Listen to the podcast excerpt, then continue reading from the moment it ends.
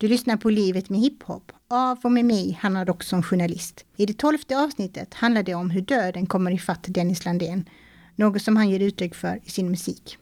Eh, jag gick dit och hade ett, eh, ja men de visade mig runt liksom och sånt där. Allting var positivt och jag kom dit, vi, eh, de hade en studio och sen var det jag och två andra vänner så bestämde vi med Fritzgården att vi ville bygga upp den, göra om den. Så vi var ju där och byggde om en helt ny studio från grunden. Och det är väl där efter det som allting börjar ploppa upp mer och mer. Sen eh, fixade vi min första spelning på fritidsgården också.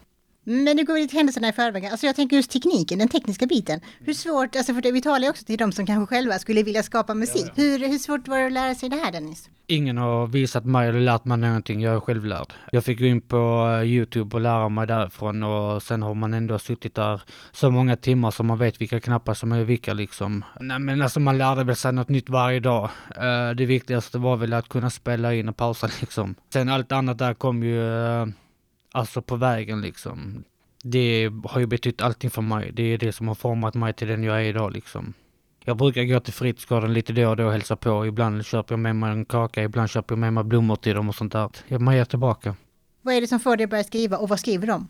Ehm, jag kommer ihåg min första låt med Micke då. Då var det en kärlekslåt till, eh, ja med våra tjejer vi hade då. Eller han har fortfarande sin kvar som sagt, men ändå. Men sen efter det så blev det liksom mer personligt. Man börjar väl skriva lite mer om eh, livet generellt. Alltså vad man har gått igenom med livet liksom, så många som har gått bort i en snärret.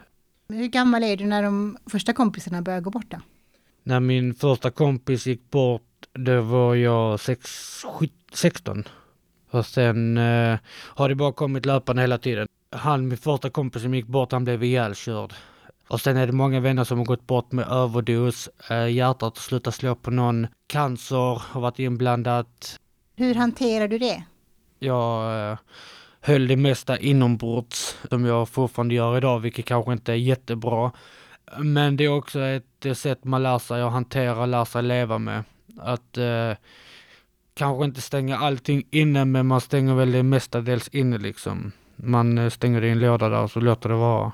Men jag tänker på också, du befinner dig också själv vid det här laget i ett slags missbruk kan man ju mm. säga. Ja, ja. Hur, för det tänker jag också när det händer en sån här grej, gör det då att man knarkar ännu mer eller är det så här att man, förstår du vad jag menar? Ja, nej men det är klart för många så är det väl säkert så att man knarkar ännu mer. Skulle jag nästan kunna tänka mig. Men i mitt fall var det inte riktigt så. Jag vågade aldrig ta det steget och ta extra. För jag vet ju konsekvenserna. Alltså när min första vän gick bort i en överdos, det var liksom som en chock för mig. Eh, och där kände jag bara, nej nej, alltså jag kan inte, jag vill inte hamna där som han har hamnat. Har du varit där när någon av de här har dött i en överdos? De har ringt mig dagen efter och berättat det för mig. Ja, men det är väl säkert en helt annan femma när man är där. Men oavsett vad så är det fruktansvärt jobbigt. Alltså jag har haft ungefär 20 till 30 personer som gått bort. All, alltifrån eh, familj till vänner, alltså bekanta och allting. Av alla begravningar kanske jag har bara gått på 10-15 stycken.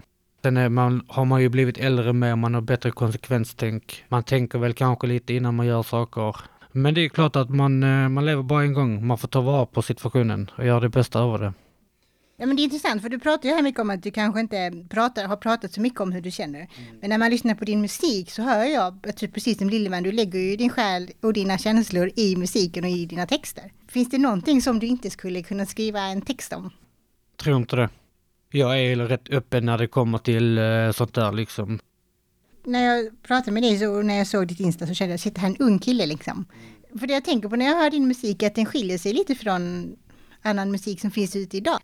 Jag är liksom inte den som spelar in uh, gangster hiphop, uh, för jag lever inte det livet. Uh, jag vill skriva om det livet jag lever och det är det jag gör liksom. Men för mig är det som en terapi och jag tycker det är viktigt att göra det. Det behövs mer kärlek.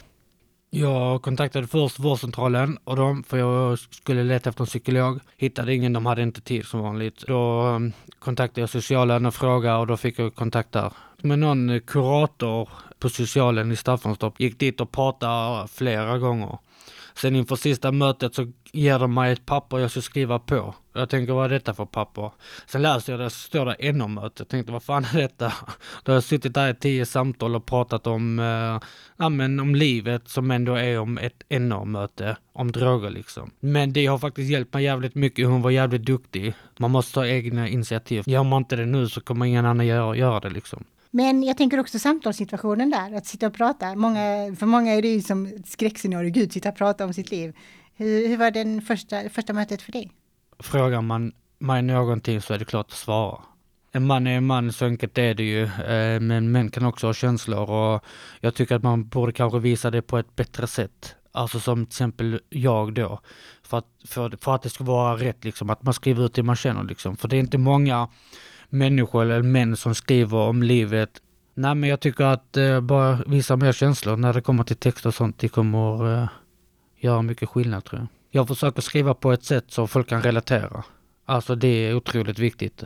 Sen är det ju inte alltid det lättaste. Alla går igenom olika saker i livet liksom. Det är alltid någon som kan känna något och det tycker jag är skönt, det är viktigt. Jag får väldigt bra respons för det.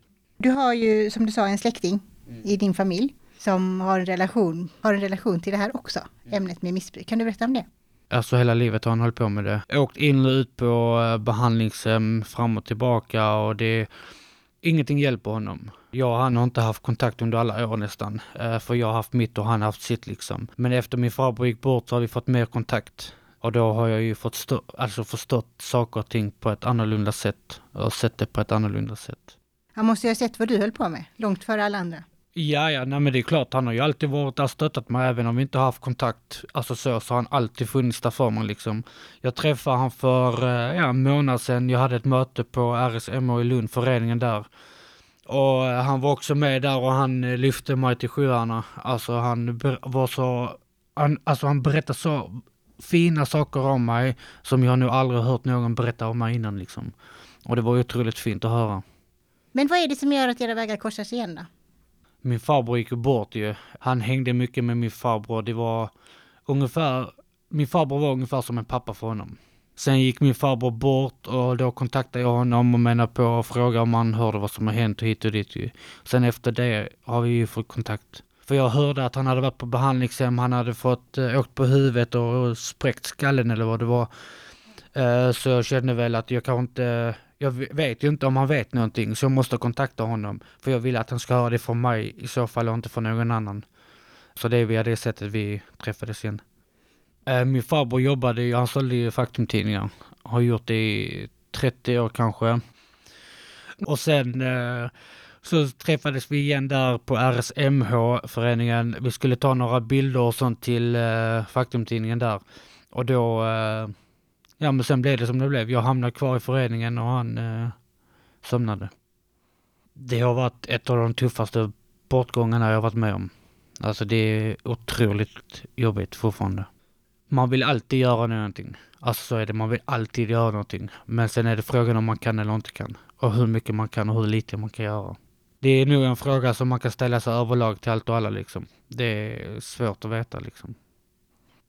Men på ålderns när du möter honom, blir ni, eh, har han liksom tak över huvudet då? Han hade lägenhet, eh, han jobbade och sålde tidningarna och det ju, han var en riktig kämpe han alltså.